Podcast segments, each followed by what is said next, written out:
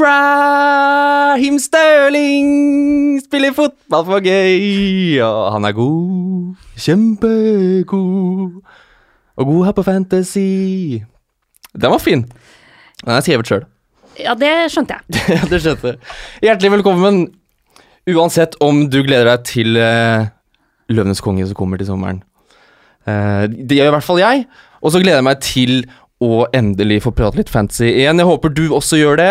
Takk for at du har uh, trykka på play med um, bablekoret her eh, enda en uke. Det setter vi veldig pris på. Har du det bra, Mina? Ja, må Ja. si det, altså. Så bra. Så- Terningkast fire dag. Terningkast fire dag. Men det blir jo, det nikker jo oppover og oppover nå, da. Ja, for um, noen ganger så er vi jo både Altså er vi alle tre her i studio, altså du og jeg og Simen Stamse Muller. Men som oftest så er vi ikke det. Og spesielt noe som B-laget, denne nye podkasten til uh, Simen og Mari Skjelbæk, Jesper Mathisen, har jo blitt en nasjonalskatt. Så da må vi på det, eller E-laget, som vi egentlig er. Vi må få hente litt folk. Og som oftest har vi brukt eh, kommentatorer som gjester, de som eh, kommenterer Premier League, men denne gangen så har vi kommet oss enda nærmere midtsirkelen og selve kjernen for der magien utspiller seg. For dagens gjest, han er fast inventar på A-laget til Vålerengen idrettsforening. Han har akkurat levert to mål, ti smultringer og syv gule kort, og dermed pluk- plukka med seg 95 poeng på 2462 minutter i Eliteserien Fantasy. Men størst av alt, først og fremst, fremst så har han så gode venner i Uefa at han har fått sin egen liga oppkalt etter seg. Det er nemlig Nations League. Det er selvfølgelig Jonathan Tollås Nation. Hjertelig velkommen, Jonathan. Takk for det. takk for det. Det var Veldig fin introduksjon jeg fikk der. Jo, det, det er en fin fyr. Og, altså, Nations League. Hvordan har du fått til det? Nei det litt, litt jobba litt med lobby, lobbyvirksomhet ja. vet du, for å få Litt Kjetil Siem-kontakter der og sånn? Ja, ja. Så Ja. EFA var lett, men uh, Lagerbäck var ikke så lett. Nei. Så det, jeg fikk uh, se, se på TV. Ja, fordi du burde jo vært fast på landslaget i Nations League. Ja. Du burde liksom vært først på lista med det etternavnet der. Ja, ja. Men har du en kompisliga i Fantasy også som heter Nations League? Nei, det har jeg ikke. Så eh, nei, eh, det um, tipsa du meg om nå, Ja. så det var litt for seint. Ja, men den kan du få av meg. Det er bare, bare hyggelig. Det er veldig kult å ha deg her. Du er akkurat ferdig med sesongen Mm. for Vålerenga. Sånn resultatmessig, fotballmessig på banen, er, er du fornøyd med sesongen? Det har vært lang sesong. Ja, det er nå 30 kamper som det har vært siste sesongene, pluss litt cupkamper og sånn. Og det er jo alltid Når det begynner å nærme seg slutten og er ferdig, så er det, kjenner man på kroppen at uh, den er sliten, og ikke minst hodet. Så, um, så blir det godt med, godt med en måneds tid med ferie nå. Det, Mm. Sesongen har vært sånn, sånn bob-bob. Mm. Klubbens målsetning var jo sjetteplass før, eh, før sesongen starta, og det oppnådde vi i siste seriekamp med seier mot Ranheim, men uh, samtidig så er det Man føler på en måte at spillemessig så uh, har det vært uh, Toppene har vært såpass høye at man er skuffa over at man ikke klarte å være mer uh, stabil enn en det vi har vært. Mm. Som Vålerenga-supporter, Mina, Mm. er du fornøyd med det Jonathan har levert? Ja, du, det er jeg. Ja. Og så er jeg litt enig med han sesongen sett under, under ett. Eh, men eh, Tollås er bra. Han begynner jo å bli, er jo en av de liksom, lederskikkelsene i det Vålerenga-laget her nå. Har vært her en stund nå, så veldig, veldig bra det, altså. Mm. Du har jo hatt han inne på Eliteserien Fantasy-laget ditt den siste runden nå. Ja, det har jeg, vet du. Eh, det, det røyk noen poeng der på tampen. Altså, det, der er jeg litt eh, bitter. Det så så fint ut med litt sånn clean shit og alt mulig, og så rakna det helt på tampen. Ja, jeg tipsa det jeg sa vel det før uh, nest siste kamp mot Bodø-Glimt, at du bare beho- behold meg inne, for det skulle bli jeg lovte mål og, og clean sheet og alt. Og så røyke på en liten lyskestrekk i første gangen og ut til pause. Og, Ai, ai, så det ble uh, Må bare beklage den. Legge meg paddeflat. Jeg gjorde et unntak på min uh, leveregel i Eliteserien Fantasy. Det, det har jeg spilt eh, veldig sånn med hjertet, og som uh, kanarifugl. Så jeg har vært høyt oppe siden lørdag. Men jeg gjorde et unntak mot at jeg skal aldri ha Vålerenga-spillere på laget. Men til siste runde så gjorde jeg et unntak. Jeg satte deg inn Gjør det? på laget. Tenkte ok, nå kommer litt sånn Tollås i studio. Nå okay, skal jeg sette deg inn og være litt kompis. Og spilte da denne parker bussen-chipen, Ja. hvor du får doble poeng på forsvaret. Og så slipper dere inn et sånt tullemål Frispark fra Storflor. Altså, Storflor han går jo med stokk snart. Det må jo gå an å holde null mot Ranheim. Jeg syns ikke du skal gi han den tullemål. Øyvind Storflor, så, har du sett Ja, frisparket? s- ja, ja. det, Det er et godt frispark. Han må bare klappe av og til altså, når motstanderen skårer. Jo da, men Det- det å- var- Hold, klare å ikke slippe inn et dødball fra 40 meter, eller hvor langt var det? Det var et innmari bra frispark. Jeg skal gi deg det, altså. Så Var det? ja. Det var faktisk det. Uh, ja, jeg, Jeg er fortsatt jo, skuffa. ja, ja, ja. Jo, men det, det Jeg òg var skuffa. men uh, av og til, som jeg sa Og der, Øyvind Storflor var vel kamp nummer 400 Ja, det var jo det. så det var litt sånn Skrevet i ok, stjernene. Ja, Ja, da. skal han få. Men han Jeg burde sett den komme, altså. Ja, Ja. du burde det. Det er min egen feil. Det er alltid min egen feil med alt jeg gjør i fantasy. Men har du, det, har du hatt deg selv på ditt eget uh, lag? Jeg spilt Jeg spiller ikke Eliteserien Fantasy, faktisk. Er det, ikke, er det på en måte ikke lov? Jo, jo da, det jeg vet det er flere som gjør det, men jeg har bare på en måte ikke Nå bruker jeg såpass mye tid på Fantasy Premier League og Mm. har jo sysla med litt andre ting òg, så jeg vil Det er begrensa hvor mye tid jeg orker å bruke Ja. på, på dette fantasy-kjøret. Så Det jo jeg har ikke starta med det. Nei. Nei, Det er et fantasy-kjør, og vi også, det er veldig kult at du bruker mest tid på Fantasy Premier League. Det er jo det vi også gjør, eh, oss to andre her. Eh, for å snakke om eh, Fantasy Premier League, da. Sesongen du har hatt nå de første 13 rundene. Fornøyd med start? Har det gått bra? Ja, det starta veldig bra, i hvert fall. Jeg hadde veldig ja, Fem første runder var vel veldig sterk, og har nå uh, overall points 817. Uh, da. ranking 39 000 i verden, så det er vel Det er vel sånn tålelig bra. Ja, det er OK Eh, pluss. ka- ja, OK det er bedre enn meg. Ja. Ja da. Så det har vært, eh, det har vært eh, greit. Sånn, ja. Helt greit. Litt dårligere enn det. Ja. Vi har jo fått en del spørsmål um, allerede, så vi må bare ta noen av de. Um, Bjørn Terje Nedreberg spør på vår eh, Instagram, TV2 Fantasy heter vi der, han spør hvem er best på Fantasy av Vålerenga-gutta?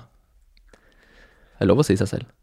Jeg skal se her, da. Jeg kan jo trykke en VIF A-lag. Der ser, står det en førsteplass her, da, så det er jo, den er jo grei. Du er på topp, ja. ja. Det, Ryddig. men jeg, ja, Felix Horn Myhre ligger sju poeng bak, og så har du Bård Finne som ligger ja, 27 poeng bak, og litt sånn kommer de bak i, i puljene der. Så jeg leder der foreløpig, vant faktisk i fjor. Uh, så, Nei, ikke sant. men jeg, ja, jeg vil jo tro at det kanskje er den som legger ned mest tid på det òg, da. Ja. Så det er jo uh, ja, for er du, en, er du en romantiker, eh, eller er du en analytiker? i din approach? jeg er analytiker. Ja, ok. Jeg har um, Trist å si det, jeg er jo Arsenal-supporter fra um, liksom gammelt av. eller sånn. Mm. Um, men uh, når jeg spiller Fantasy, så er det Altså, det, jeg legger hjertet i Iskaldt. kjøleskapet. Altså, det liksom, ja, ja, altså, jeg sitter og håper at uh, Aguero skal skåre hat trick mot Arsenal. det er Oi, helt- oi, oi. Ja, ja, altså, det er helt ekstremt. Så jeg, Nå skjønner jeg hvorfor du ikke spiller eliteseriefancy. Ja, ja, det hadde vært himmel eller helvete. ja, ja da, så jeg er faktisk veldig um, Ja, men det er kult, da. Spiller veldig lite med hjertet. Mm. Ja. Men Det, er, det er ofte lurt. Det er det, er det, man, det er det man må hige etter. Men det er ikke lett. Nei, det var veldig bra for eh, meg at Stoke rykka ned. Fordi jeg kunne jo ikke ha kaptein mot Stoke på slutten pga. Nedrykksdramaet der. Og i og med at Stoke var et av lagene som slapp inn desidert mest mål, Ja. så røyk det jo mye der. Det gjorde det. Mm. Eh, Steffen Virgilio Gabriel Fjelle, kremnavn, han eh, lurer på hvilket lag ville du spilt for i Premier League? Det, det er ikke umulig å ta en stoppeplass på Arsenal, Nei. sånn som. Sokratis og Ja, på. det har ikke vært så gale i år, da, syns jeg. Holding kommet inn og gjort det ganske bra, faktisk. Men eh, ja, ja, det er jo naturligvis Arsenal, siden det er mitt lag. Ja. Jeg, jeg er jo veldig stor fan av Pep Guardiola, da, så jeg, jeg Mm. tror på en måte å ha fått et par år under han kunne Da tror jeg man kunne blitt eh, ganske habil fotballspiller, for å være helt ærlig. Da kunne jo til og med du vært en habil eh, fotballspiller, Mina. Ja, definitivt. Uh, så, men men det, det skjønner jeg. Altså, jeg skjønner jo, Det snakkes jo mye om at veldig mange unge fotballspillere de har for mer lyst til å spille under Pep, spille under Klopp, enn å f.eks. spille under Mourinho. Og det kan jeg forstå når du ser jeg har forstått Pochettino òg, da, hvordan de har liksom jobba med ungt talent. De er flinke til å videreforedle talent. da. Det syns jeg er veldig interessant å se den utviklingen en del spillere har hatt under de trenerne. Ja, ja, og det er jo folk Altså, andre legger jo merke til det, både agenter og, og selvfølgelig de unge spillerne sjøl, at uh, Pep kommer til City og får en uh, eh, Det har revet av seg håret sesongen før av Stirling, og så uh, nå de siste tre åra så har han vært den beste spilleren deres. Og Mm. Henta Bernardo Silva, som ja, var bra i Monaco, men har jo sett ut som en rund million nå i år. Etter å ha fått ett år under Pep med å tilvenne seg litt tempo og måten, måten han ønsker å spille på. og Otamendi var vel litt samme, kom, uh, har vært litt sånn løskanon, men så har fått, fått han liksom på riktig, uh, riktig uh, rett kjøl, da. Selv om Mm. han nå ikke har spilt så mye. Men eh, det er veldig, veldig fascinerende å se på hvordan, hvordan han bare får ja, får sånn utgangspunkt i bra spillere til å bli helt fantastisk. Mm.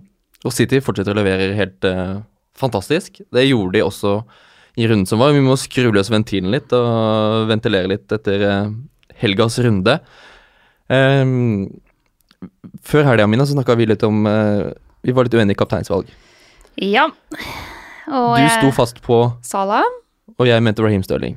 Det verste er at jeg holdt på å endre det, skjønner du. Men så Jeg turte ikke å gamble, så det ble Sala for min del. Jeg angrer på det.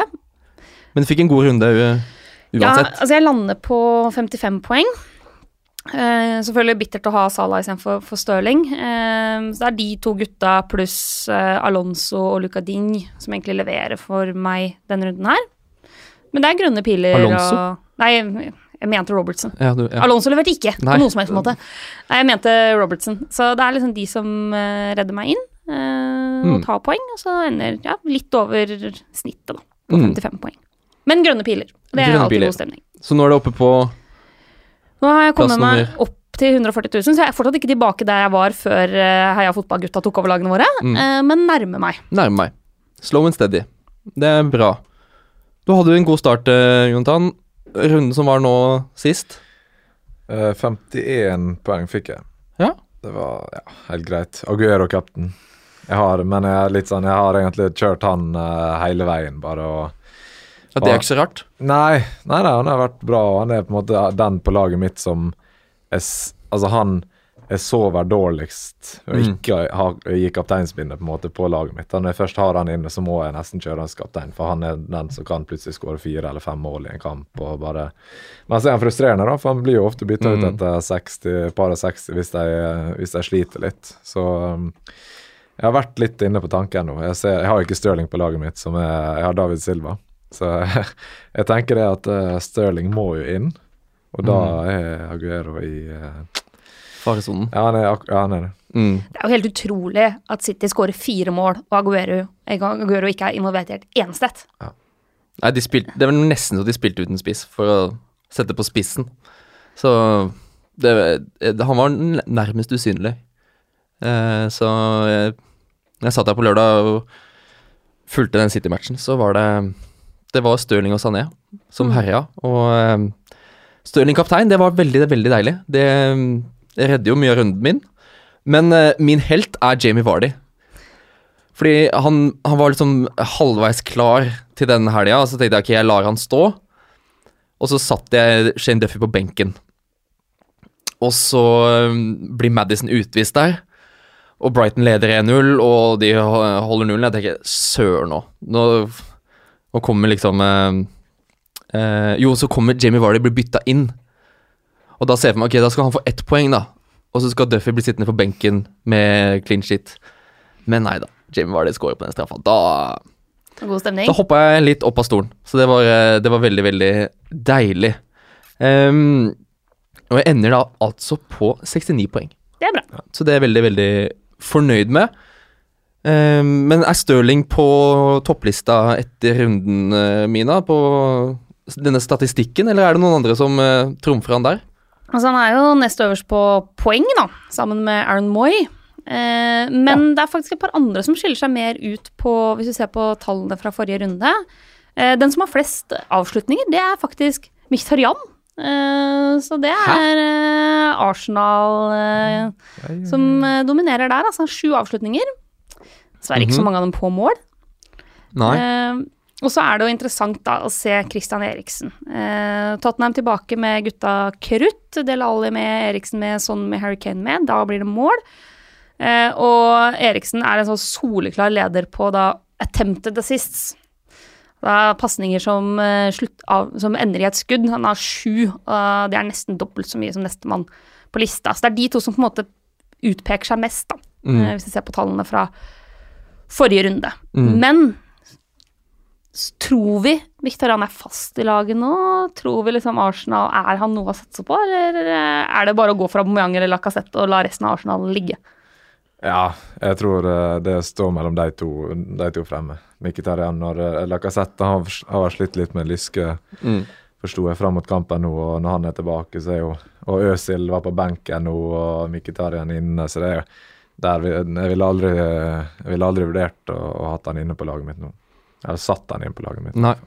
Nei, fordi det, det med Plutselig så er Øzil ute, som normalt sett ville tenkt at okay, han er den som starter eh, blant de offensive midtbanespillerne, men Iwobi har jo plutselig blitt en favoritt. Det er litt for mange inni miksen der til at man henter noen fra midtbanen, tenker jeg. Ja. Mm. Så Mkhitaryan, det er lite blaff, tror jeg, altså. Ikke hiv seg på der. Tror jeg er enig. Lacassette eller Aubameyang Ja. er de vi vil ha fra Arsenal. Det er det. Um, det har kommet inn eh, mange spørsmål, så vi skal uh, dure gjennom spørsmål mens vi snakker om helga. Det blir en litt sånn fin løype uh, gjennom episoden, forhåpentligvis. Skal prøve å holde oss i løypa, ikke kjøre ut. Um, først så må vi bare ta med et spørsmål fra, fra Torstein Torheim. Som lurer på når er det double game week kommer. Fordi jeg har sett det er noen som eh, tenker at det kommer nå neste uke, når det er en midtukerunde. Men det stemmer ikke, det er ikke en dobbeltrunde. Da er det altså Det er jo nå runde til helga, så begynner det allerede på fredag. Og så er det en måte én hviledag på mandag, og så er det en ny runde tirsdag igjen. Og da lurer jeg litt, Tollås, fordi eh, når man har, spiller kamper så tett, eh, er det sånn som som spiller og fantasy-spiller, eh, blir man da litt ekstra var på par av de stjernene når det er så tett kampprogram, eller tenker man at de, de holder ut, liksom? At de klarer seg sjøl om de skal spille både tirsdag og i helga? Nei eh, Det er veldig opp til hver enkelt hva trenere liker. og hva de, Man ser jo gjerne et mønster med trenere, om de uh, roterer på enkelte spillere. Uh, du ser jo med Aguero som er Han er jo fort i faresona når de begynner å spille mange kamper. med Hvis uh, Gabriel Jesus nå er, blir 100, 100 frisk igjen nå, så så er jo der selvfølgelig lite sånn faresignal, og så er det Mens f.eks. Sala Mm. omtrent spille alt som er i Liverpool. Og, så det, det tror jeg på en måte sånn, Å gi et generelt svar på det er vanskelig. da. Der må en nesten bare følge eh, litt ja, hva trenerne har gjort tidligere, og hva strategi de bruker på det. Ja, for Liverpool stilte et eh, sterkere lag enn det jeg hadde antatt at de skulle gjøre. Klopp hadde uttalt før helga at Robertson kom fra to tett, tette, intense kapper med landslaget. Eh, jeg tenkte at nå blir han sikkert hvilt, for de skal møte PSG nå. Eh, men det gjorde han ikke. Så Klopp kjører på. Mm. Helt til, til det egentlig ryker, da. På en eller annen eh, skade, ser det ut som. Så er mitt inntrykk at det varierer jo litt med spillere hvor skadeutsatt man er òg, ikke sant. Sånn at eh, jeg ser i hvert fall for meg da, at for trenere òg så er det litt hva de liker å gjøre og ikke, men det er også noen spillere du er mer forsiktig med i tett kampprogram enn andre. Eh, altså du har perioder hvor f.eks. Messi har spilt så, som, så godt som alt for Barcelona, uavhengig av om man møter liksom, Real Madrid eller eh, Deportivo la Coruña, mens andre spillere hviles oftere, og det er jo gjerne de som litt oftere har sånne muskulære skader eller litt sånn småtrøblete ankler og knær og, og sånne ting. Da. Og så vidt jeg veit, så har ikke Robertson vært sånn fryktelig skadeplaga etter at han kom til Liverpool, i hvert fall. Nei, det er, det er sant. Ehm, og så ta med det at mange spør oss om benchboost triple captain. Den har vi bare én av, eh, folkens. Så pass godt på den. Har du først brukt den, så får du ikke noe ny etter nyttår. Men wildcardet får vi to av. Så hvis du ikke har brukt wildcardet ditt ennå, så har du fram til nyttår å bruke det. Hvis ikke du har brukt det før nyttår, så blir det borte. Og så får du da et nytt i det nye året som kommer. Så eh, har vi fått rydda opp litt til det. Når double gaming kommer, for å svare litt på det, så er det ehm, mest sannsynlig utover i april. Når eh, det begynner å spilles uh, sluttspill i først og fremst FA-cupen, så blir ligakamper flytta litt på. Så foreløpig så er det en stund til. Men um, når det plutselig blir annonsert at det kommer en double game week, så skal dere få vite det, kjære venner. Så don't worry. Be happy. Akkurat sånn som Glenn Murray. Han er sjef, altså. Han skåra sju seriemål nå. Syv i tallet. Det er like mange som Harry Kane, Mohammed Salah og Edna Sard. Skårer i tredje hjemmekamp på rad nå. Hvor nære er Glenn Murray eh, laget ditt, eh, Tollos? Nei, jeg har faktisk ikke vurdert den. Men, men det er litt sånn eh, Jeg visste ikke han har sju mål, men det, er litt Like sånn, jeg, jeg bare titter innom uh, Brighton, og så ser jeg han Ja, Murray, og så neste Ja, ja. helg så ja, Murray. Og så ser jeg så hans, og så er det, det ser ut som verdens mest naturlige ting. Han bare skårer, og så løper han så lite sånn feiring, rolig feiring, og så tilbake. og så Det er liksom ikke noe Det ser ut som han er født til å skåre mål, da. Mm. Så han er jo eh, Målet han skårer nå, og det er jo bare sånn det er bare corner, eller om det er korridorfrispark, og opp og nikker han bare rolig inn. og Mm. For Brighton, som, som oftest på dødballer, så slår de på Duffy eller Dunk. Mm. Nå var det Murray som skåret på dødball. Mm. Nå, hvis han begynner å ta de skåringene også, Ja. da er det jo bare å Det kommer til å hagle inn, det er sikkert. Hva pris han er på? Han ligger jo bare på um, Altså bare og bare. Han ligger på 6-7. Eh, 6-6-6-7. Um, 6-7, ja. Og så har han en liten gul trekant her, da. Så um, det, han fikk en liten, liten trøkk i låret der. Chris Huton har uttalt at eh, han føler at det kommer til å gå bra. Eh, så vi stoler på følelsen til Chris Huton. Ja. Så eh, han er nok klar igjen til, eh, til runden som kommer, men der også kan det være litt sånn Man må passe litt på. Men han er jo en alternativ når alle snakker om uh, Callum Wilson og Anatovic. Kjempeviktig for Brighton. Har altså skåra 50% av målene til eh, Brighton så langt. Så veldig mainman. Det som er enda artigere, er at nesten 80% av Brightons mål så langt er skåra av enten Glenn Murray eller en midtstopper. Ja. Så det er litt sånn, det er ett av to når Brighton skårer mål. Enten så er det midtstopper på dødball, eller så er det Glenn Murray. Mm. Ja, det kan, det kan jo gå an å ha da Duffy eller Dunk, eller å ha Murray på topp. Ha to stykker. Kan holde fint, det. Mm. Um, samme for deg som også sitter med Matt Ryan, så er det også bare en, en liten smell, som også mest sannsynlig blir bra. Uh, hvis du er en av de som uh, tok vare på James Madison, så sender jeg først og fremst mine tanker til deg og de pårørende og etterlatte.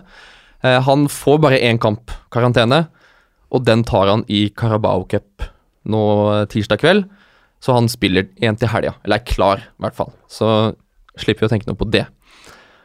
Ehm, vi snakka jo forrige uke om Claudio Ranieri.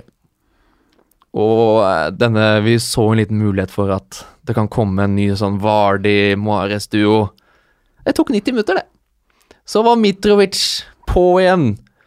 Og han gnei seg på øret med den feiringa si, og er det vel Cézinho, da? Som blir denne Mares? Eller er det Schürrle?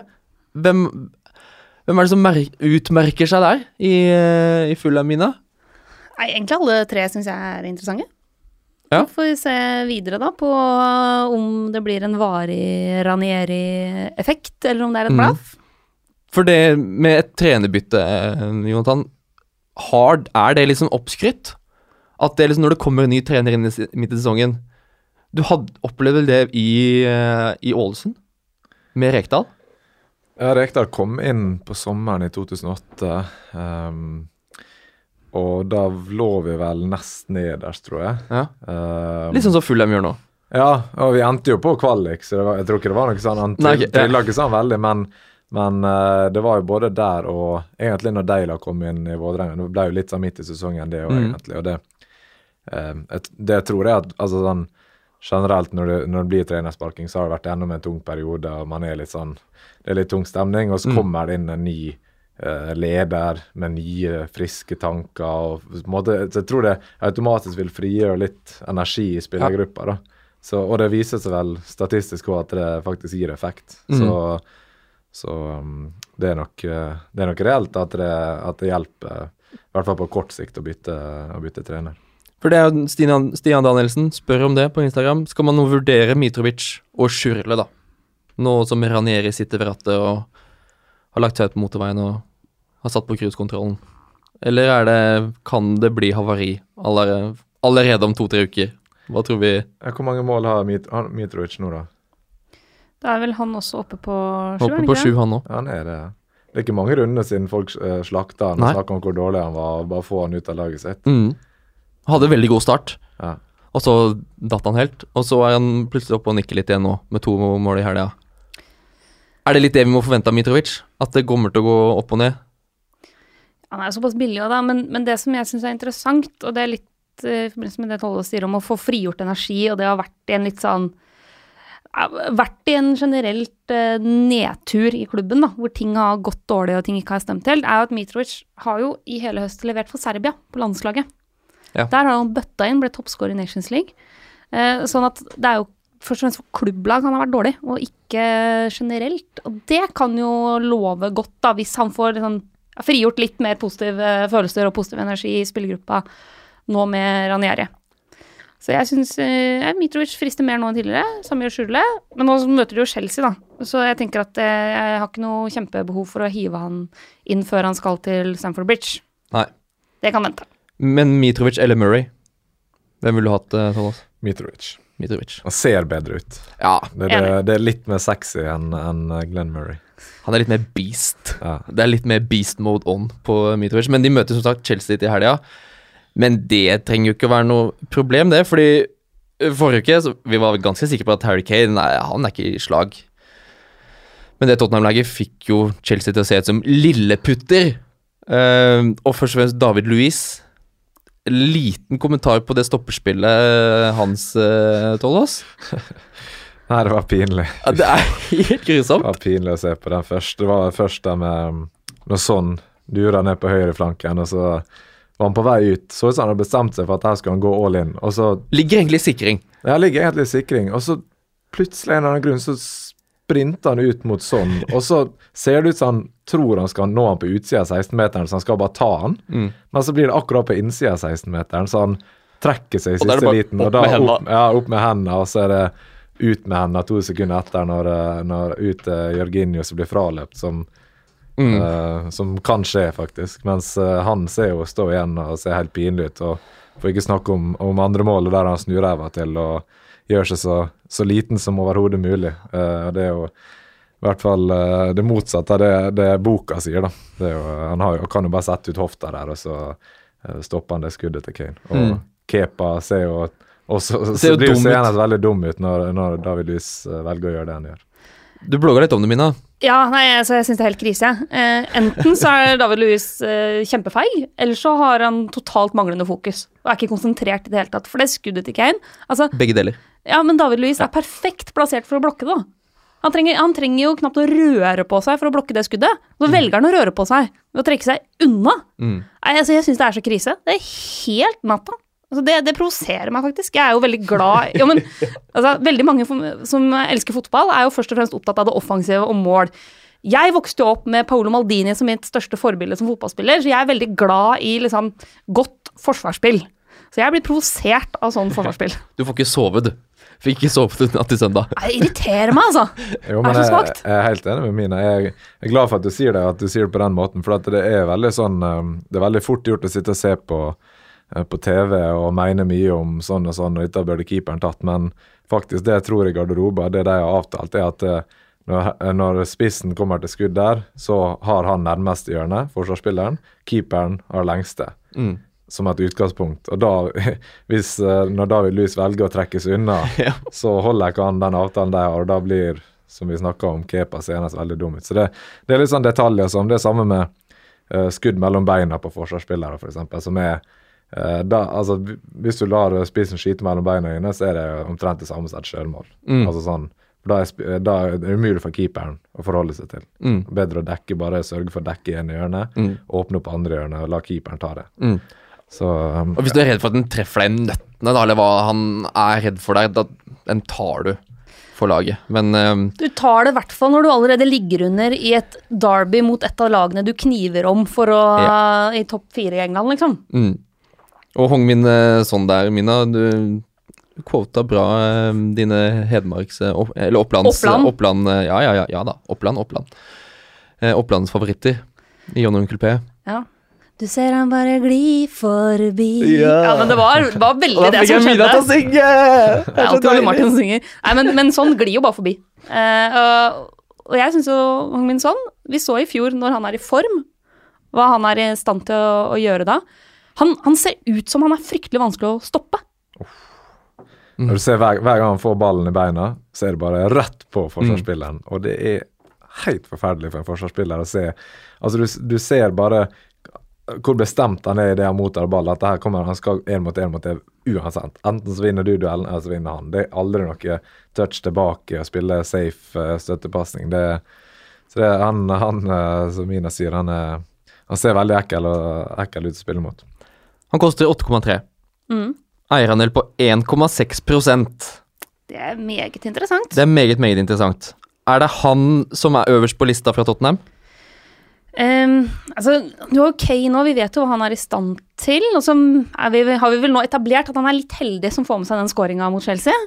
Kane, ja. ja. Uh, Dele Alli er jo tilbake Mm. igjen. Christian Eriksen leverer. Uh, Det, er så jeg- sånn, det er sånn vi skal snakke om. Ja, så Nei, jeg syns sånn er veldig interessant. Jeg tror kanskje at jeg skal la de få den kampen mot Arsenal, Mm. før jeg bestemmer meg for hvem av dem jeg skal ta inn. Mm. For eh, det kommer mye spørsmål om eh, Tottenham. Vi tar, Kane også, som Jon eh, Rommel Hoversen spør. Tanker om Kane framover. Og når han legger litt trykk på framover, så regner jeg med at han tenker da på dette juleprogrammet, som vi kaller det. Nå er det Arsenal borte nå, men allerede på ti, førstkommende tirsdag Southampton hjemme. Og så begynner det en fin rekke. Skal man, må man rydde i budsjettet og bruke de 12,3 millionene på Harry Kane, Tollas. Tollås? Er det dags for det nå? Jeg ser programmet her, da. Det er jo, det er jo uh, overkommelig. Men jeg har faktisk ikke um, Jeg har ennå ikke vurdert han. Eh, men det er litt sånn, jeg syns han har gått litt under radaren. på en måte. Han har jo um, Men du vet jo at når han først setter i gang, og når han, uh, han får det maskineriet til å begynne å rulle, så, så kommer måla på løpende bånd. Så um, han er jo noe man bør vurdere, men jeg syns det er mange, mange spennende på Tottenham eh, offensivt, som, eh, som vi var inne på. Jeg synes både Ellie vet man eh, han er, Det er litt annet prissjikt. Kane må man, da må jeg omrokere veldig mye for å få han inn. Mm. Så for min egen del, i hvert fall, så tror jeg, tror jeg heller det er mer aktuelt med Eriksen, Son eller Ellie enn enn Harry Kane. For Harry Kane har vært, han har vært spikra, nesten, på ethvert fantasy-lag med ambisjoner om å gjøre det ålreit de siste to sesongene.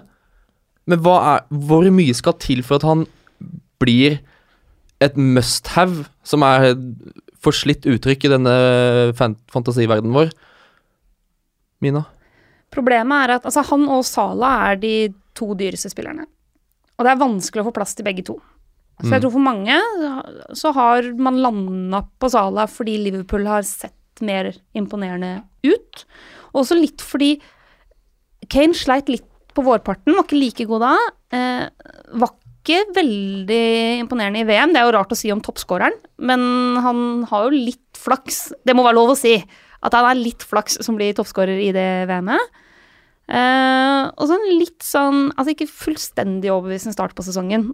Eh, og da tror jeg det er litt det at, at mange føler man må velge mellom Kane og Salah. Mm. Og så får du mer poeng for måla til midtstopperne. Nei, til midt- midtbanespillerne.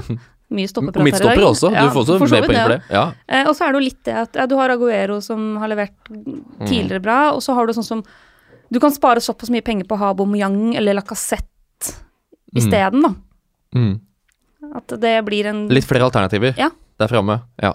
Jeg tror, uh, eh, når du er inne på Kane, hva som, hva som skulle gjøre at du på en måte plutselig jeg tror, For tidligere så har han alltid Du vet, Kane er sånn Han er litt sånn som Aguero, plutselig kommer det fire mål i én kamp. Ja. Og det har på en måte ikke Nå har det vært bare sånn jevnt og trutt, et mål her og et mål der.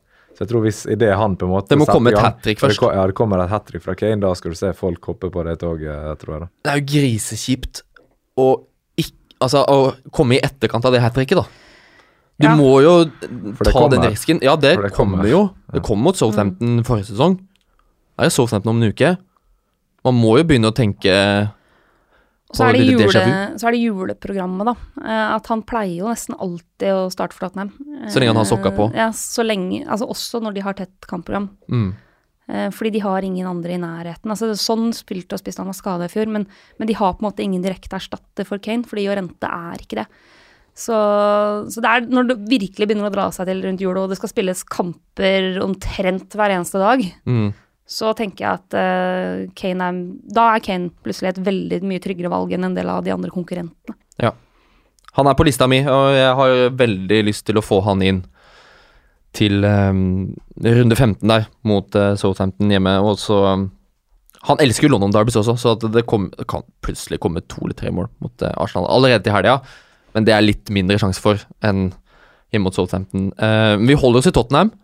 Rasmus Steinsbø Knutsen lurer på Dele Alli. Han er ikke så veldig dyr som han sier, og det gjør vel at han blir en ganske god value nå som resten av Spurs-gutta framme der er tilbake. Men så har jo Ali uttalt um, til The Independent, hvor han sier at rollen hans har forandra seg litt, har han innrømt, da. Han spiller nå litt dypere, og tenker ikke hele tiden på å skåre mål eller gi målgivende. Så lenge han hjelper laget, uansett om det er med å score eller målgivende eller defensivt, så er han glad. I'm happy. Mm. Blir man litt bekymra når han går ut og blitt, plutselig blitt et sånn lagspiller? Det er jo ikke lagspillere vi vil ha på våre fantasy-lag, eh, Nei, fantasy-spilleren i meg blir ikke glad, men uh, lagspilleren derimot Jeg kjenner mm. at det, det er jo begynner endelig å bli voksen, han da. Nei da, men uh, en 8,9 Del Alli nå hvis han er frisk og uh, spiller vel stort sett det som er av kamper og um, uh, når han er frisk, så uh, som, som jeg sa i sted, så tror jeg han et, Hvis jeg skulle satt inn en av de Tottenham offensive spillerne nå, så tror jeg det hadde vært han eller uh, Eriksen. Mm. For de er du tryggest på. Ja, og um, Ja, for sånn føler jeg litt Jeg, føler, jeg er veldig sånn Plutselig ut Lamela eller Mora, Ja, Lamela, ja. Mora, ja. Ja. Mens Ellie er Ja. Jeg føler meg ganske trygg på at han spiller så lenge han er frisk, da. Mm. Det er jo golden boy til uh, Pochettino. Um, Mm. da kommer eh, det vanlige spørsmålet, Mina. Har du noen stats på Dele Alli? Jeg har litt, jeg kikka litt på det. Han, han har jo rett i at han ligger dypere i banen nå enn tidligere. Uh, han, han ligger dypere i banen enn f.eks. David Silva. Eh, det går an hvis man sammenligner med Altså, man har, vi har mindre tallgrunnlag på Ali fordi han har vært så mye skada i høst. Eh, men hvis vi ser på per kamp, opp mot f.eks. Sadio Mané Det er jo Ja. aktuelt for mange å kanskje gå fra Mané til Ali hvis man ønsker å få inn, eh, få inn Tottenham. Eh, så ligger de ganske jevnt på avslutninger, men han har flere avslutninger på mål, nei, i boksen per kamp enn det Sadio Mané har. Og så ligger de Ja. likt på, på skudd på mål. Så er Ok. Sadio Mané litt eh, bedre på, på attempted sist, men, men det er ikke sånn voldsomt store skiller der, altså. Um, og han ligger også forholdsvis jevnt med f.eks. David Silva, da. Mm. Uh, der er David Silva litt foran på avslutninger, men Ali er foran på shots on target, foran på skudd i boks, f.eks. Så, så altså det, han har liksom greie tall sam, sammenligna med de andre som er uh, samme pris, eller Man er jo en del høyere. Eh, men jeg personlig ville nok heller, tror jeg, gått for Christian Eriksen. Fordi Eh, Christian Eriksen Altså, Ali er mer en formspiller enn Eriksen. Er mitt, det er sånn jeg ser det, da. Eh, men altså, Eriksen er en sånn type spiller. Han er, han er en sånn Kevin De Bruyne, sant. Du kan sette han inn i laget ditt, og så kan han egentlig bare stå der. Det var jo det jeg gjorde i starten av sesongen. Jeg satte han inn og tenkte han skal bare stå. Mm. Gikk jo ikke bra.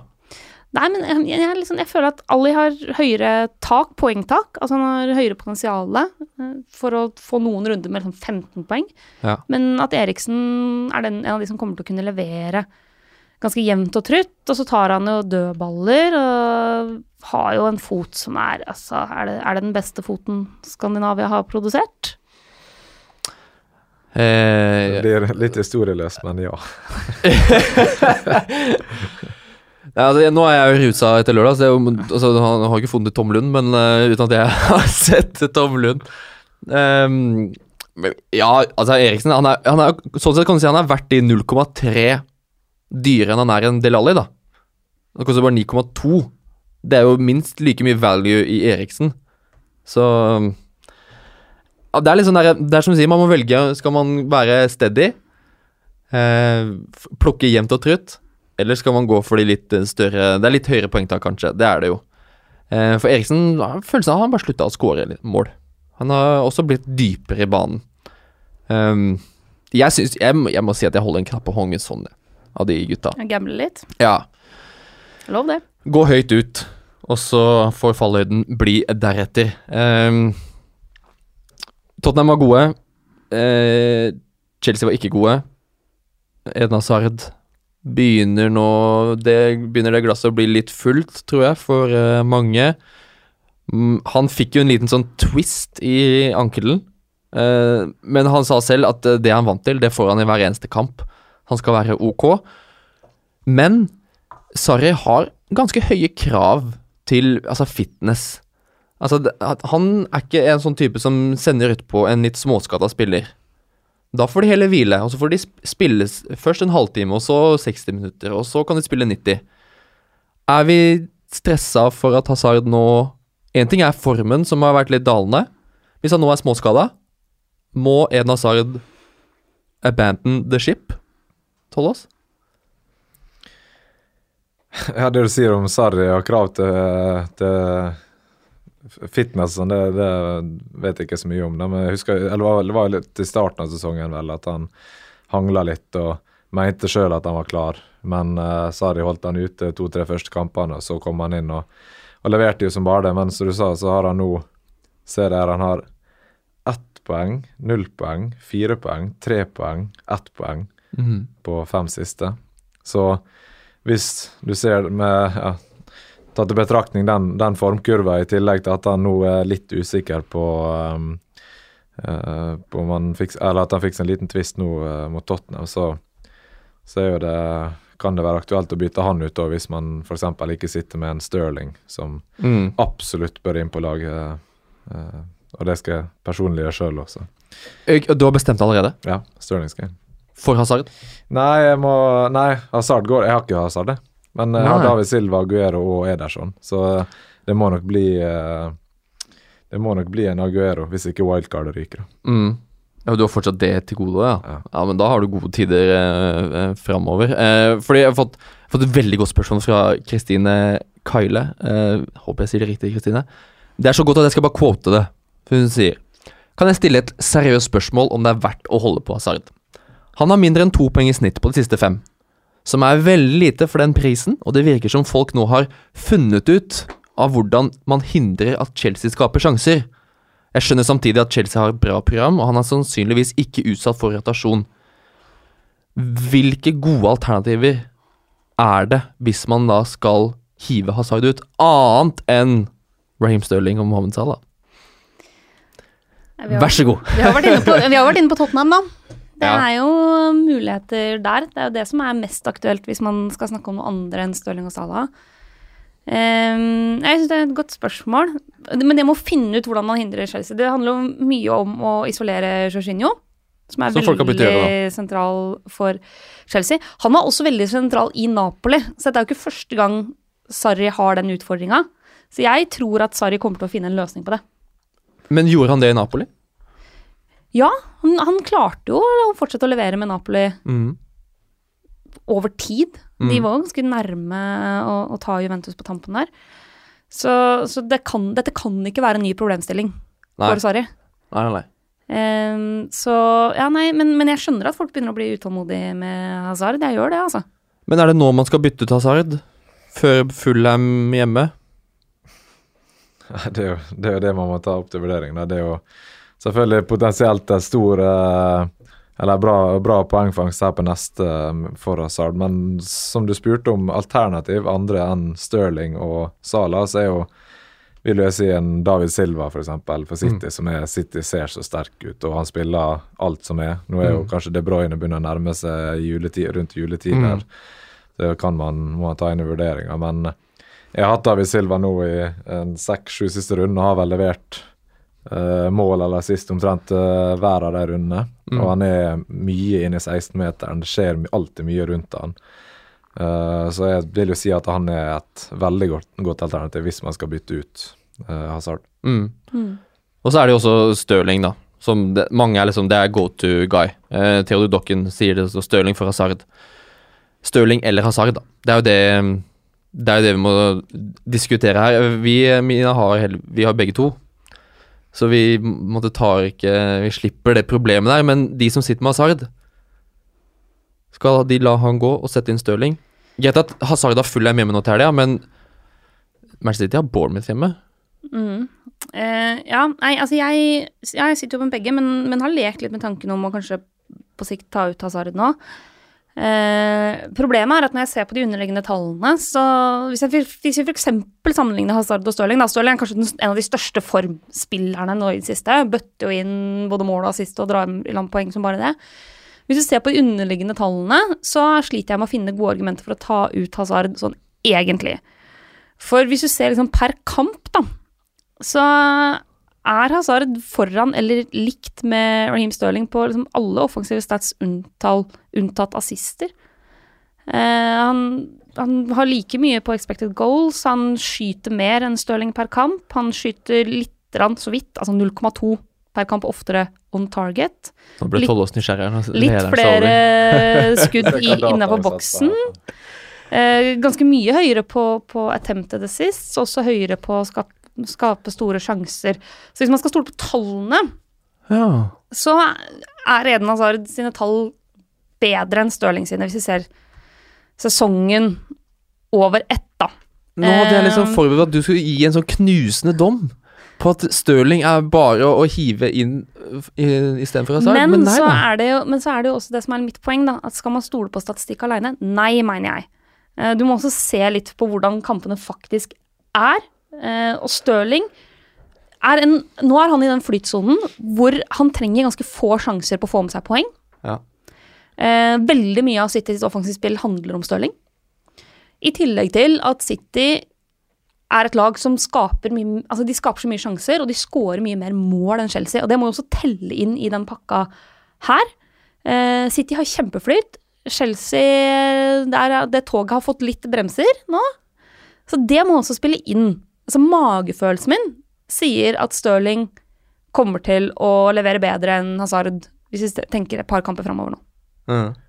Ja, altså, ja, for um, som du sier med um, det kommer til større sjanser. Altså. For det er det jeg føler at Når jeg ser for meg Stirling, bare høydepunktet jeg har sett av Stirling de siste fem-seks kampene, så er det, blir det spilt på tvers, eller bare flatt inn bak for, uh, forsvarsfyreren, og så kommer han og setter steikepanna til, og så inn i, i nettet. altså, det er på en måte, Jeg føler det er Stirling, har vært Stirling uh, i fjor og i år. da, at det er alle sjansene han kommer til, det er så store sjanser. Han blir spilt på mm.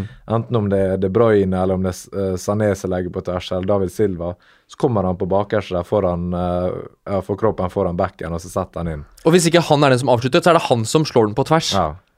Så, og sånn har City spilt hele tida. Ja, han er, han er, så nært målet hele tida. Hazard ja. er så involvert i oppbygginga, mm. så han er jo Uh, selvfølgelig en veldig viktig spiller for Chelsea, men jeg, men jeg, har en følelse Det kan være du kan uh, avkrefte den, uh, eller følelsen jeg sitter med, men i hvert fall at Hazard ofte er involvert lenger unna målet. At han må på en måte være med det å bygge opp og, og skape sjansen mm. og spille den tredje siste pasninga, og så må han avslutte sjøl. Men Stirling mm. er mer at han er bare ligger framme og venter, og så får han den, og så setter han. Ja, der Chelsea spiller Eh, Jorginho, hvis han har plass, og så spiller han videre til Kovacic. Og så ligger Kovacic bare sånn rett ut til Hazard på venstrekanten, og så løper Kovacic for å måtte gi rom, og så står bare Chelsea og venter. Det er, sånn, det er sånn jeg føler de spiller. Gi Hazard ballen mot etablert, som oftest, og så får han bare finne på noe. Mm. Gi, få noe magi. Kan du trylle litt? Og Stirling har bedre offensive spillere rundt seg. Mm. Det er et ganske viktig poeng. Så når han slår den pasninga inn, da, så er det veldig stor sannsynlighet for at Aguero eller Sané eller Mares eller, hvem, eller David Silva klarer å putte den ballen i mål, kontra når Hazard slår den til Morata. Mm. Eller for så vidt Giroud. Eh, sånn at det er noe med det er noe med det òg, da. I tillegg til at i, i, City så er det langt flere å passe på offensivt. Så eh, Stirling manns, altså mannsmarkeres jo mindre enn Hazard. Mm. Det er klart Som stopper, hvis du skulle spilt mot Chelsea, så hadde det vært ganske lett hvem du skulle passe mest på, antar jeg. Ja, ja. Men hvem, hvem, ville du prioritert hvis du hadde spilt mot City? oi, oi, oi. Nei Da hadde du kjent litt ekstra lysken før kamp, kanskje? litt. Jeg tror jo det ville vært Aguero, da, faktisk. Så det er et godt poeng der du sier. Eh, Hazard er jo main guy for Chelsea. Og men City så har du liksom tre-fire stykk som hvis du fokuserer litt mer på han ene, så åpner det opp for han andre, og da mm. skårer han. Altså, mm. altså sånn det ja. Du kan ikke holde på å mannsmarkere eller være ekstra opptatt av enkeltspillere, for da blir du, blir du straffa av resten. Mm. Så det Nei, uh, hvis du setter dem opp mot hverandre, så for meg så er det ingen tvil om at Stirling uh, Jeg tror Stirling kommer til å plukke flere poeng enn Hazard. Mm. Så de som sitter med Hazard, de burde da få inn Stirling istedenfor. Legg hodet på blokka. Se, ja, men bør du vente nå og se på uh, om du får noen rapporter på, på, uh, På Hazard. Hazard. Han spiller jo garantert ikke på torsdag. Nei. Han får jo uka til å komme seg, så han kommer til å spille mot Fulheim. Det er jeg 100% sikker på. Uh, men det som, man må helst se an hvordan City stiller i Champions League nå. Ja. Så vent med de byttene uansett, men jeg ville tatt ut, tatt ut Hazard og satt inn Stirling, hvis du har muligheten til det. Altså Pri 1 er uansett å få inn Stirling, tenker jeg. Mm. Det, jeg tenker Han er den viktigste spilleren å få inn nå. Ja. Og da er det fort vekk enten Salah eller Hazard som er dyre nok til at du på en måte kan få inn Mm. Stirling. da. Så da er det bare å vente på at Hazard skårer to mål til helga, og Stirling blir benka. Det er sånn det går når vi sitter og uh, konkluderer her altfor tidlig i uka. Vi, altså, vi må innom Leroy Sané også, fordi eh, han ble nevnt som en liten joker i forrige episode. Og snakk om å dra det jokerkortet eh, ut av ermet. Han plukka 19 poeng, flest av alle. Og han, han har starta seks kamper denne sesongen. Det er ganske få. Men i de seks så har han levert fem mål og fem assist. Mendy har vi snakka mye om at når Mendy spiller, så spiller ikke Sané. Når Mendy da var skada i runde fem, seks og sju, så starta Sané alle de tre. Han leverte målpoeng i alle de tre kampene. Altså, det er jo ikke Man blir ikke Bambi på isen av å sette inn Sané nå. Men de er jo ute. Bare å kjøre på. Det er som du sier om at ok, hvis ikke Stirling eh, putter, så er det Sané. Det var jo akkurat Ja. det som skjedde i helga. Ja, jeg støtter det på Sané, men det er klart at vi må Man har jo bare tre City-spillere man kan ha. Så det, Ja, det er sånn, jeg kan ikke sitte og anbefale Stirling og så uh, Sané og Aguero og Ederson, men uh, Mm. Nei da, men uh, Sané og jo selvfølgelig bør jo være med i, i vurderinga hvis man har flere ledige City-plasser på, på laget sitt. Men uh, main guy for meg på City, det er Stirling fortsatt. Kan man kjøre begge to, eller? Sané og Stirling? Ja, ja, ja. Jeg har lekt med utkast på det, jeg. Ok. Ja, ja, ja. Jeg lekte meg litt med å på sikt nå eksempel eh, Kommer litt an på om jeg skal ha Kane eller ikke, men eh, ta ut eh, Hazard for eh, Sané, og så sitte med Stirling og Sané er eh, fullt aktuelt, det, altså. Ja, Mm. har man plass til det, så er det bare å kjøre på. Mm. Så vi, rotasjonsspøkelse, det har vi drevet ut. Det fins ikke her lenger. På Og jo våre lag. da, kjempestressa over det, men det er gøy å leke med tanken i hvert fall. leke med tanken. Definitivt. Han eh, Herlighet så god. Nå, den matchen han hadde nå mot Westham, det, sånn, det var som å se i forrige sesong, hvor han bare er Han er untouchable. Han er insané, insane, som den uh, nydelige hashtaggen hans uh, er. Um, så vi bare ta med litt sånn nyheter på Manchester City. Gabriel Jesus han er ikke med i troppen i Champions League. Sergio Aguero er den eneste spissen som er med til Lyon. Bernardo Silva er heller ikke i troppen. Så at Bernardo Silva ikke spiller til helga igjen, det er det store sjanser for. Aguero blir nå den eneste friske spissen. Hvis Jesus er ute lenge, da er plutselig Aguero Stiger aksjene hans litt igjen, fordi han har også dabba litt av. Magnus Olsen spør om det på Instagram. Er han fortsatt verdt det? Er han fortsatt verdt det, Aguero? Du har han jo, Ja, Thomas. jeg har han. Han har vel vært øhm, Har ikke det vært litt sånn hjemme borte at Han har nesten ikke har ett mål på bortebane i Mm. år, og, og, Alle andre på hjemmebane. ja, og han har en uh, negativ tendens. Men, uh, men det er klart at hvis, hvis Jesus er Hvis det blir Hvis man vet det, at han, at han er ute lengre tid, så er jo uh, eneste spissen øh, til sitt er jo det er jo trist å ta han ut av laget sitt. da. Det er kanskje ikke så veldig lurt. Um, Ja, det kan bli veldig trist. ja, da må jeg også ta en ny vurdering på den. Det Da er det bare Da tror jeg wildcardet ryker, faktisk. Og så har du jo Nå har du Bournemouth og Watford, og så har du Chelsea, men så har du Everton, Christian Palace og Leicester. Mm. Det er mulig å score mot de lagene. Mm. Ja, det er det. Husker hva han gjorde mot Watford eh, borte Oh, forrige yes. Det var fire mål. Men kan det Nå kan det hende jeg bare fisker etter eh, motivasjon for at jeg ikke skal ha Aguero på laget. Han er eneste spissen. Sier Jesus er ute i to uker, da. Så spiller, de, så spiller han 90 nå i Champions League. Så spiller han 90 nå i helga, og så kommer det midtukekamp på tirsdag. Kan han plutselig bli hvilt? Og så kjører Pep David Silva eller Raheem Stirling som spiss? Ja. Altså, Eller er jeg bare slem nå? Nei, altså det er jo selvfølgelig en reell, reell mulighet for det, en sjanse for det, men ja, altså uh, ha, Sitter man med han inne på laget, så bør man vel være litt uh, Ja. ja eh, kanskje ikke bare tenke liksom Det er unødvendig kanskje å tenke sånn. Mulig, ja, alle mulige verste scenarioer. Det Det er en god ting at Jesus er ute for de som sitter med Aguero. Ja. Vi kan bare si det sånn, og så kan vi hoppe videre. Um, det er fortsatt litt sånn skade Altså, Marko Natovic uh, det, det er Hver eneste uke så snakker vi om at han aldri er frisk. Han Han skal sjekkes i løpet av uka. Selvfølgelig. Business as usual. Har Er- kronisk knetrøbbel. Ja. Er den skaderisikoen blitt så stor at de som ikke sitter med Natovic, og som nå har lagt en plan om at når Westham sitt kampprogram som kommer nå, nå begynner det. Nå begynner den grønne engen. Og nå ligger den i horisonten. Er den skaderisikoen så stor at man ikke bør hente inn Arnatovic? Vente til pressekonferansen, i hvert fall. Og se om det er noe siste nytt der. Hvis han blir meldt klar der, så, er han, så må han på. Jeg syns jo fortsatt at han, eh, altså, han har et potensial som er så stort, da. Ja, men det potensialet det ligger bare på papiret. Det ligger bare på kampprogrammet. Det, altså, det, for meg så er det liksom Ok, det ser på, jeg ser papiret kjempebra. Og så slår jeg opp, så ser jeg bort på TV-en. Det ser ikke bra ut i det hele tatt. Du har spilt med skade sjøl, Thomas. Hvor lenge kan eh, han holde det gående, da? Nei, nå har jeg ikke sett så mye Westham av de siste kampene, men jeg syns egentlig han alltid ser knallgod ut. jeg. Jeg syns nå han eh, Altså eh, Kanskje ikke underliggende stats, jeg vet ikke hvor mange mål han har i år, men eh, jeg syns han alltid at det alltid skjer ting rundt han, og sterk og rask og god å drible, god å skyte med begge bein. Det er liksom Han har alt, da. Men det er klart at hvis han har noe knetrøbbel som ligger og og som er litt av håndbrems på, Mm. på prestasjonene, så er jo ikke det bra. Men Han har, han har ett mål på de siste seks kampene. Er ikke sånn Altså, jeg, jeg, jeg er litt sånn Skal man se seg blind på kampprogrammet? Er det liksom klassisk felle det her nå, altså? Du har jo, hvis, hvis du absolutt skal ha en i Westham, så har du Felipe Andersson, som er Ja. også et bra alternativ. Som, Jeg er ikke trygg på han i det hele tatt. Ikke? Nei.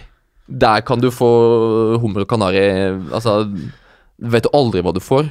Nei, men hvis han kommer litt, uh, kommer litt i spill nå og får å finne tilbake til den uh, Han var litt shaky i starten. Han var ikke helt, uh, satt vel ikke helt for han i starten, men nå Siste, siste tida syns jeg i hvert fall det jeg har sett av han, har sett, sett bra ut. da. Ja. Har han har to poeng bare nå, men ni poeng kampen før, og 13 før der, og så har han ti mot United. og Mm. så, Ja, for den, De skal møte Newcastle borte nå, neste.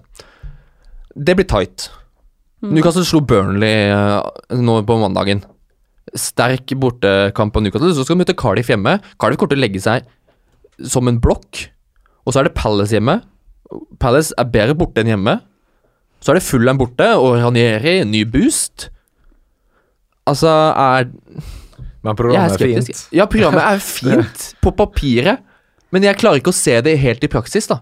Jeg, jeg har han Autoit sjøl, jeg kommer til å han er, han er nære ved å ry, altså, ryke, faktisk. Nei, jeg kommer til å holde han, altså. Hvem som skal inn, da?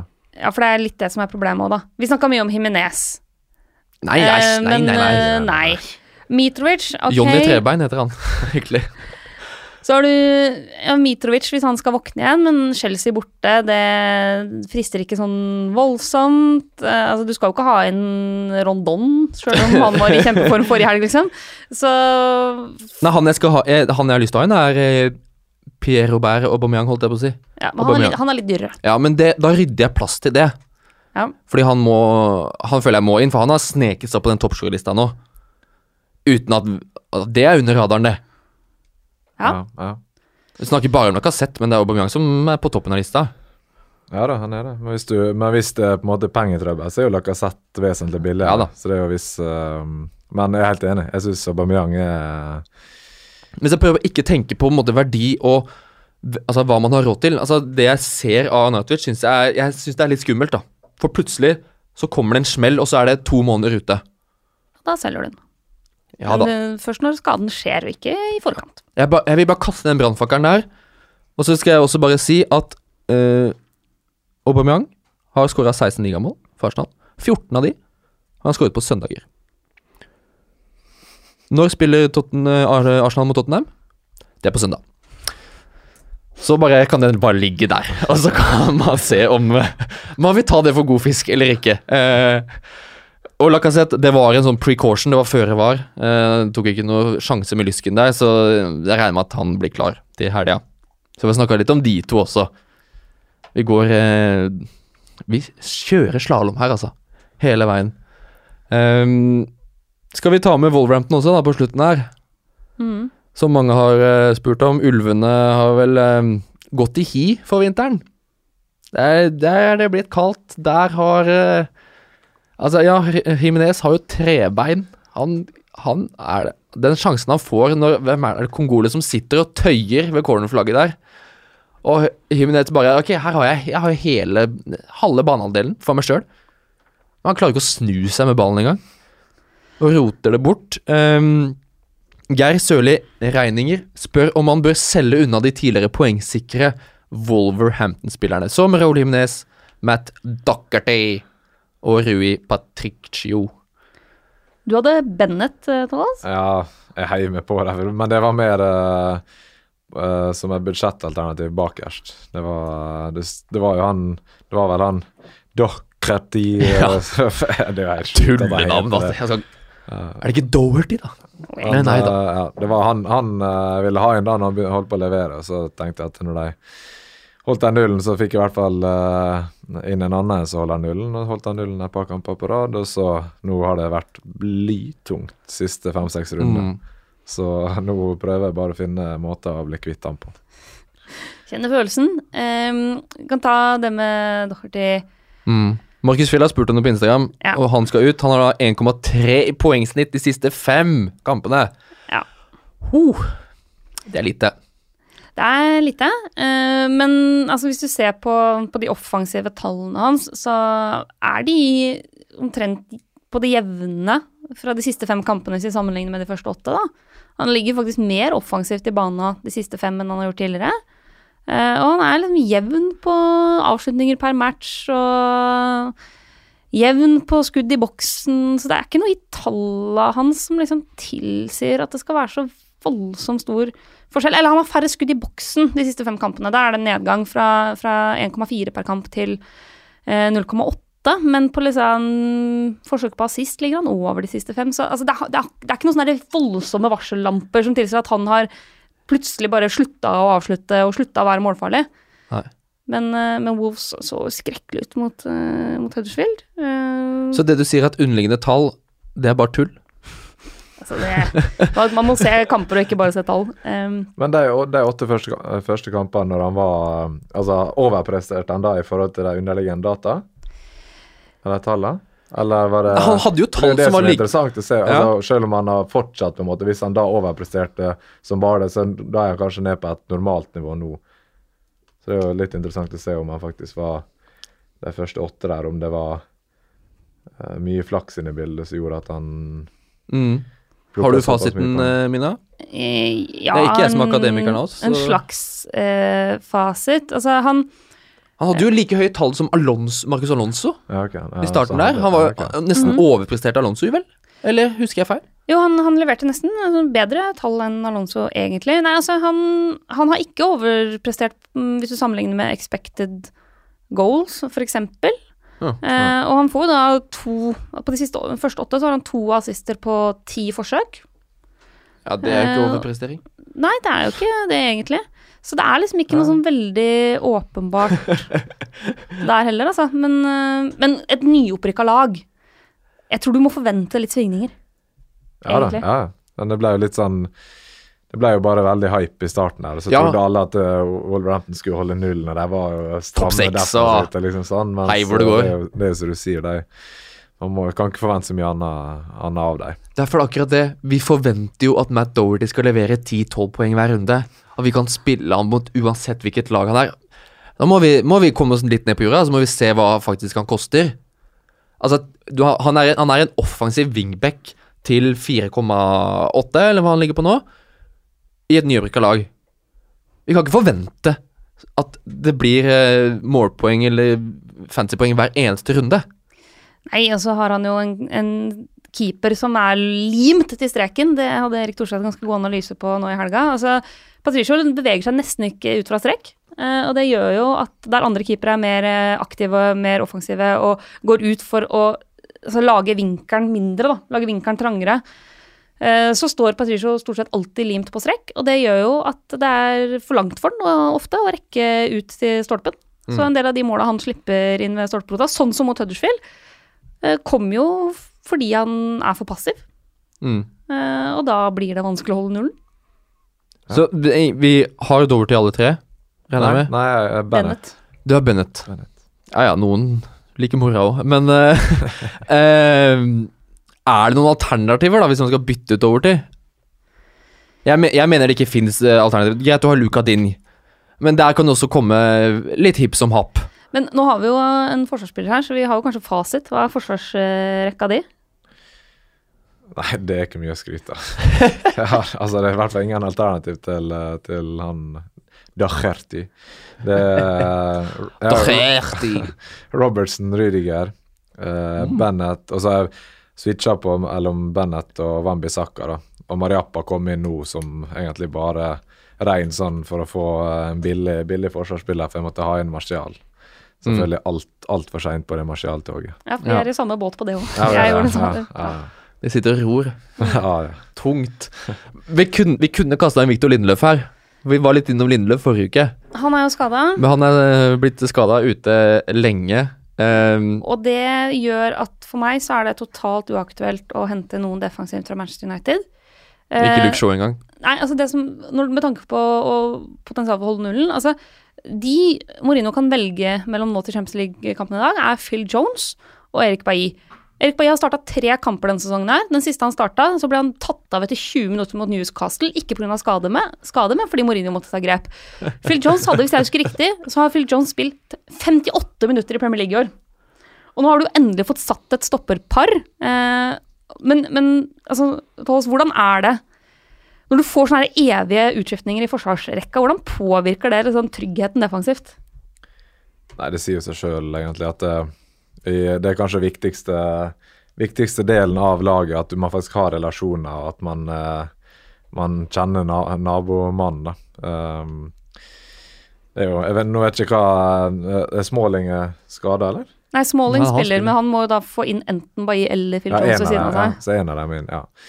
Nei da, så Men eh, det har, Phil Jones og Småling danna vel et solid stopperpar eh, nesten hele fjoråret og har spilt mye sammen, så jeg tror ikke det er noe problem om, om Phil Jones kommer inn sammen med Småling. Uh, Problemet er at Phil Jones kommer inn, sånn Ja. isolert sett. Ja da, men han kommer inn, og så går han ut igjen eh, ganske kjapt etter, kjenner jeg han rett. Så Men uh, det er absolutt ingenting å kaste seg på. Det, Det er de, det er de ikke. Vi ser han, ser han i Champions League, og det gjelder alle lag som er i aksjon nå i Europa, i Midtøyga. Ta det lugnt med byttene deres. Eh, sitt rolig, kos dere med fotballen, men begynn å tenke litt. Sånn som vi, vi har begynt å tenke litt, vi også. Vi har ikke gjort noen bytter eh, ennå, men Stirling skal inn, eh, Tollås. Ja. Det har du bestemt deg for. Ja. Har du ett bytte som du bruker på han, eller har du flere som du skal Jeg har ett bytte, så enten så bruker jeg Nei, enten så tar jeg fi, ø, minus fire og får eh, Aguero ut og inn med Stirling på et vis, eller så går wildcardet. Ja. Jeg har ikke bestemt meg for ennå. Det blir spennende å, å, å følge. Du, jeg håper du må si fra hvis, du- hvis wildcardet ryker. Ja, ja. Så kan vi be, kan vi be følgerne våre komme med litt, eh, litt grann tips. Hvis eh, du trenger det, selvfølgelig. Ja. Det ja da. Såpass ydmyk må man være. Ja, da. Men eh, Mina, hvem er øverst på blokka di til helga? Hvem eh, har du lyst til å få inn? Jeg tror kanskje jeg tror kanskje ikke jeg kommer til å gjøre noe bytter med mindre det kommer noen nyheter rundt Hazard som tilsier at han er mer skada enn vi håper, eller det skjer noe i Champions League Europa League eller cupkampene, så tror jeg ikke det. Fordi de jeg mest, er mest keen på å få inn nå, er Tottenham-spillere, men det haster ikke sånn voldsomt eh, når de skal møte Arsenal. Nå. Så da tenker jeg at jeg har råd til å vente en runde, eh, egentlig. Ja. Med mindre Arnautovic for eksempel er skadeskada igjen, altså det kan jo skje ting, men ja. Mm. Ja, det er um, jeg, Altså Jeg har jo to bytter. uh, som jeg ikke vet hva jeg skal gjøre med. Uh, og det er liksom, det er jo luksusproblem. det kan hende at jeg bare slenger det sammen en sånn minus fire og tar tre. Men jeg har lyst til å eh, holde de to byttene gående så lenge som mulig. Helt til jeg må bruke det. Så eh, det kan hende at det, det blir noen utskiftninger. eh, men eh, jeg, har ikke, jeg har ikke bestemt meg ennå. Det er selvfølgelig avhengig av Hazard og Arnautovic, om de blir klare. Jeg regner med at de, de blir klare.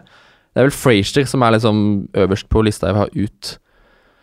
Selv om han eh, er jo Nå var han nede som back her mot Arsenal eh, på søndagen, og da ble det litt sånn Ja, det var gøy å se. Så eh, vi får se.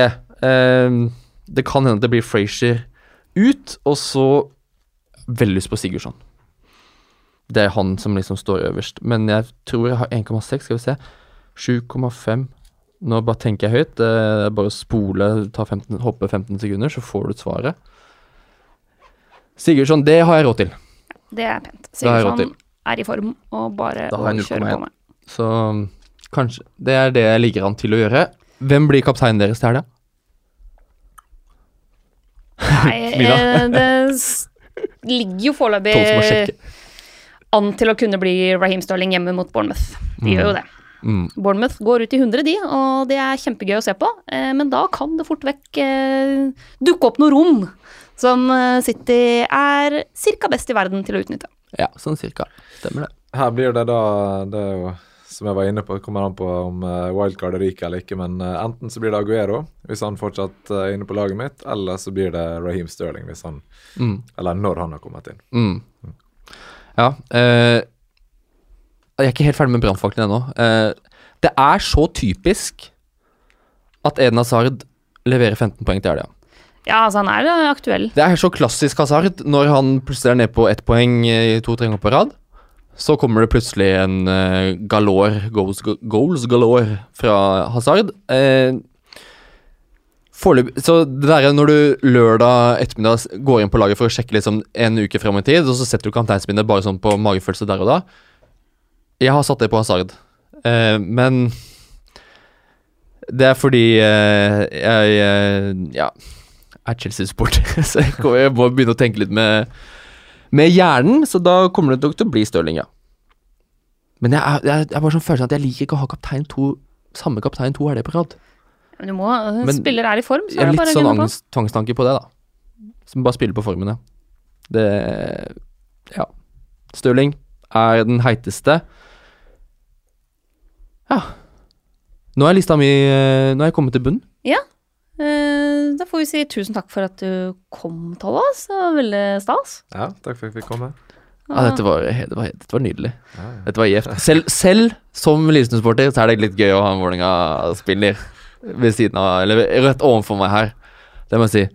Så jeg gleder meg til vi ses igjen på Åråsen eh, neste sesong. Da skal jeg stå i Kanarifeltet og slenge dritt til deg. Mens jeg skal stå og heie, så det blir så hyggelig Du sånn. står i klanen. Um, du skal ha ferie nå, Ja. Hvor, hvor skal du? Jeg skal eh, tre uker til Sri Lanka, faktisk. Oh. Oh. det blir ekkelt. Ja, det er skikkelig ekkelt. Kaldt og ekkelt. Og, Det er, så, det er sånn eksotisk. Det er, så, det er ikke Thailand som er sånn de fleste sånn, Nei, Sri Lanka. Det er, li, det er litt sånn mer sånn hipsterferie. Ja, Fint, det. Kanskje, kanskje. Når drar du? Drar på mandag. Ah. Førstkommende. Så drar vi på botur med laget til Budapest eh, på torsdag nå. Førstkommende til, til søndag. Hvem, er, hvem ligger dårligst an i botkassa? Uh, det er jeg faktisk litt usikker på. Jeg tror det er Sam Johnson som har bidratt mest. Ja. Jeg tror det. Mm. Du er en snill gutt. Ja, det Ryddig. ligger sånn midt, ja, midt i feltet der. Ja. jeg. ja. ja men det Både Budapest det er en fin by. Eh, Sri Lanka, der har jeg ikke vært ennå, men det, det hørtes deilig ut. ja, jeg skal sende litt uh, oppdatering underveis. Gjør det. Få, få noen feriebilder der midt i, i julestria her hjemme. Vi skal ikke på noe ferie, Mina. Nida? Det, noen må holde fortet, holdt jeg på å si. Um, tusen takk for at du kom, eh, Det var, eh, det var stort. Det var veldig, veldig hyggelig. Til dere som hører på, så må vi bare si at du må følge oss på ja, Facebook og Instagram. Vanlige Tralten. Men også laste ned den nye appen til TV2 Sporten. Det har kommet en ny app. Ja, Den er fin. den var smooth, Ja. faktisk. Det skal, det skal dere ha. Ja. Veldig bra. Da vippsa jeg deg for at du sa det eh, nå straks. Og så sier vi takk for at du hørte på. Takk til alle dere. Takk, eh, Torgeir, for at du satt og fulgte med på sida her. Kos dere med uka. Ikke gjør noen bytter før fredag, så ordner dette seg som alltid. Takk for nå.